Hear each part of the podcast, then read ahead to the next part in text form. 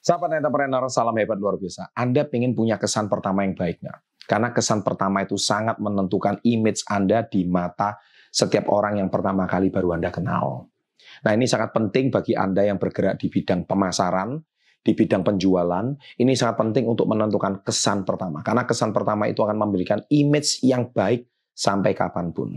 Oke, sahabat entrepreneur, apa saja? Di sini saya ada sekitar 8 tips 8 kesan pertama yang menggoda lakukan ini, maka saya lawan bicara Anda atau orang yang baru Anda kenal akan langsung punya impresi yang sangat positif sama Anda.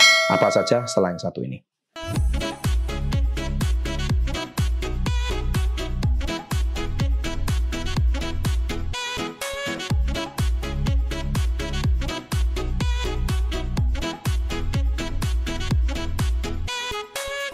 Kesan pertama yang paling penting yaitu jangan datang terlambat alias on time.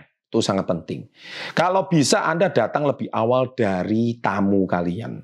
Kalau Anda bikin appointment dengan orang, usahakan Anda harus datang lebih awal. Kalau Anda datang lebih awal, nih saya tamunya itu akan sangat berkesan ya sama Anda. Nah, itu kesan pertama, wih, ini luar biasa, orangnya sangat on time. Yang kedua, gunakan penampilan yang rapi. Kenapa demikian? Karena penampilan rapi itu mempunyai kesan pertama yang sangat baik. Jangan acak-acakan, kucel, asal-asalan itu tidak menimbulkan kesan pertama yang baik. Yang ketiga adalah jadilah dirimu sendiri. Ya, jadi ketika Anda menampilkan sisi diri Anda yang asli, maka kesan pertama itu akan menjadi sangat natural. Kayak misalkan saya sama di YouTube, ya kalau Anda ketemu di pinggir jalan dan sebagainya, nyapa aja nggak apa-apa ya kan saya adalah seperti manusia yang ada di YouTube. Yang keempat, harus sopan dan menghargai mereka. Itu kesan pertama, jadi sopan dan santun. Karena kita ini orang timur. Ya, jadi kalau bicara itu harus mengutamakan kesantunan. Yang kelima adalah sering tersenyum.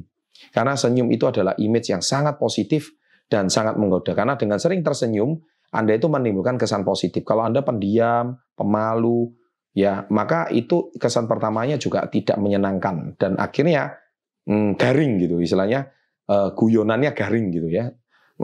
Manusia zaman sekarang bicaranya seperti itu.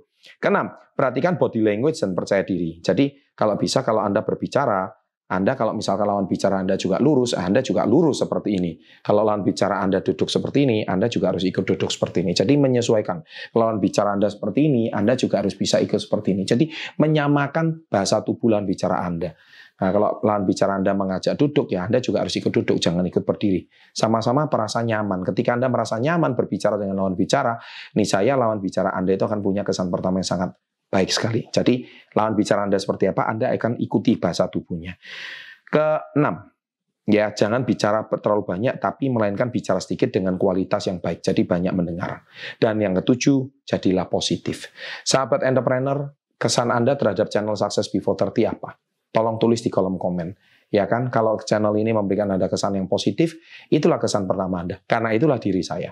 Jadi diri saya adalah jujur apa adanya seperti di dalam channel Success Before 30. Inilah kon, uh, karakter saya, inilah diri saya setiap hari. Demikian yang saya bisa sharingkan. Semoga channel ini bermanfaat. Jangan lupa subscribe, jangan lupa share pada teman-teman Anda. Dan always salam hebat, luar biasa.